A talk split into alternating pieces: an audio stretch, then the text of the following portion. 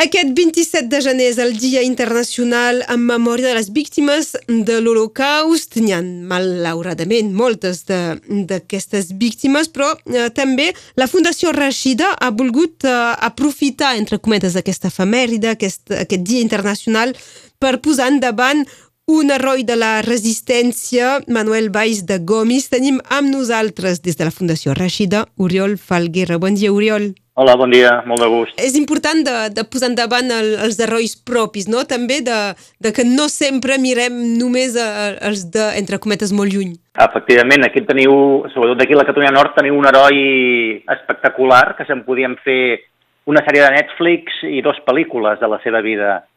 I ho dic perquè aquesta persona va néixer a Barcelona l'any 1914 i va morir a Perpinyà el 2002, que tampoc fa tants anys deixa una empremta mm, espectacular, no només a Catalunya, als països catalans, sinó internacionalment, perquè de fet aquest Manel Valls de Gomis és l'únic català just entre les nacions. Aquest just entre les nacions és una distinció que dona l'estat d'Israel a qualsevol persona que durant la Segona Guerra Mundial i des de que va pujar l'Adolf Hitler al poder ajudés a qualsevol mena de jueu a escapar del nazisme. I per tant, què és? Si us fixeu, si tirem una mica la frontera cap a baix i entenem l'estat espanyol, de les 10 persones que hi ha que són justos entre les nacions, si el mireu, la meitat són gent del règim franquista, gent de la divisió azul fins i tot, que havien anat a Rússia a lluitar contra el comunisme i que eren ambaixadors arreu d'Europa, de l'Europa ocupada pels nazis, i que veient com la Segona Guerra Mundial comença a anar a favor dels aliats, llavors salven algun jueu. Oriol, amb, amb, amb més concreció, què podríem dir de, de Manel Baix de, de Gomis, la, la seva història, potser sense fer tres sèries de Netflix? Manel Baix de Gomis és uh, un independentista que als anys 30 comença a militar a la Unió Democràtica de Catalunya, d'en Carrasco i Formiguera, per tant vol dir a la Unió Democràtica dels anys 30, quan era nacionalista catalana. Aquest senyor va ser cap d'escamots el 6 d'octubre del 34, quan el president Companys proclama l'estat català a Catalunya i el defensa. Durant la Guerra dels Tres Anys, la Guerra Civil està, com sempre, amb el bàndol republicà, està clar, i intenten arribar a construir una columna feta només per patriotes catalans, que no arriba a sortir bé aquest, aquesta columna, i realment l'any 38 ha de marxar cap a París pels fets de maig que es produeixen a Barcelona.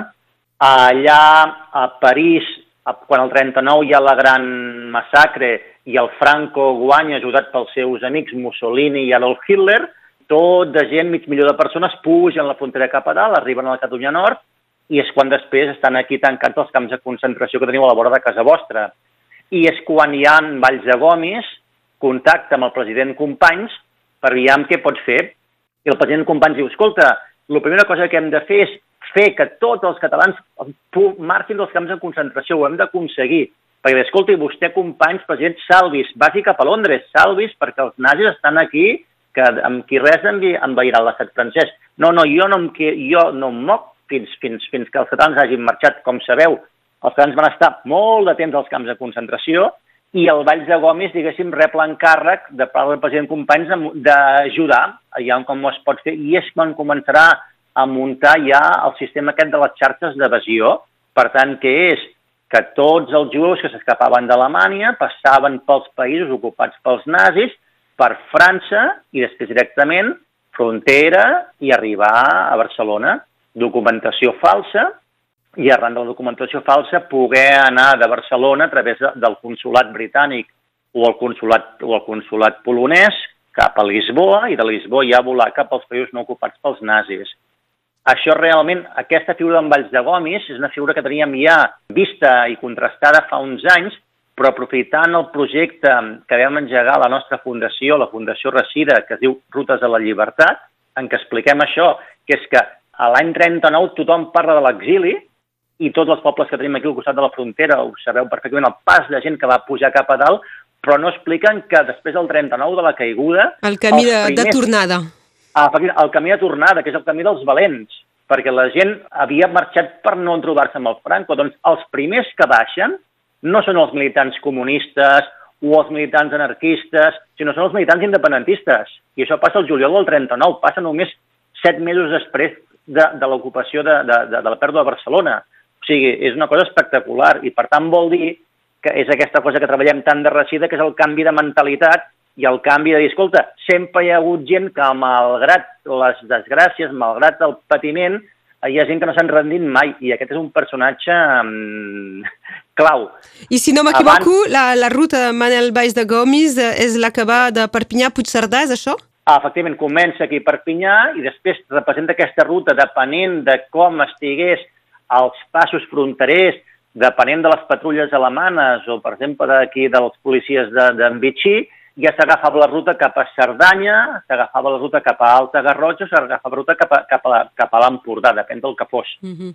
Llavors, aquests dies que he tingut el, el plaer, perquè d'aquest senyor Vallgòmez n'havíem llegit molt, però ens van passar unes cintes en què se l'entrevistava i, per exemple, explicava, per exemple, coses que desconeixíem, com que gent que tenia una mica com la pel·lícula Casablanca, no?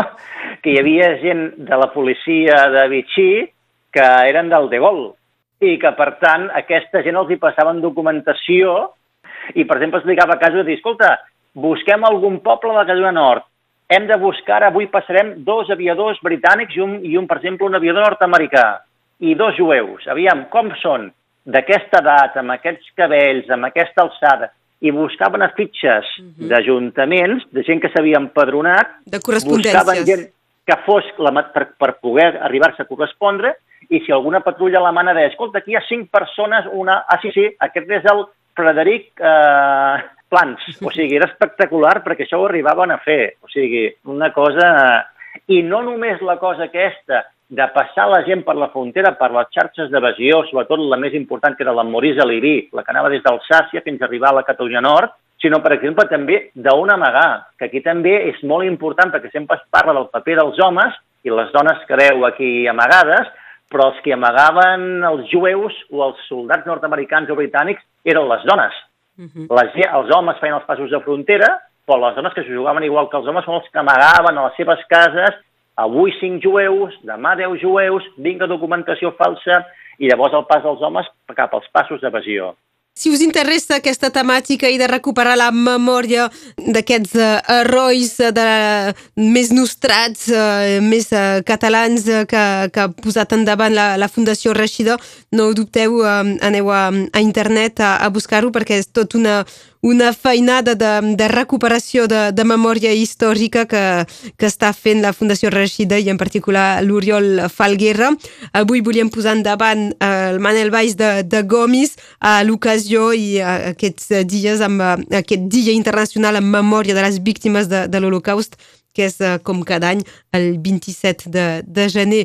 Oriol, moltes gràcies per totes aquestes, tots aquests detalls, aquestes informacions i també per, per tota aquesta feina a vosaltres. I, perdona, em voldria afegir una cosa Digues. que és important, que és tota aquesta colla que s'ho van jugar tot durant la Guerra Civil, durant la Segona Guerra Mundial, van seguir militant a l'independentisme fins a ben grans, i per exemple és el cas d'aquest Manel Valls de Gomis, molt ben situat a Perpinyà, que per exemple quan un altre patriota català que també estava en aquestes xarxes d'evasió, el Manel Viusà, la seva dona Gertrudis Galí, que van passar la frontera, aquest l'any 48 passen de l'estat espanyol cap a l'estat francès perquè la policia franquista els persegueix, es reuneixen l'independentisme mundial eh, a base de cartes des de París i aquestes persones, aquest matrimoni, sobretot el Manel Viusà, l'any 79 l'estat espanyol el vol extradir.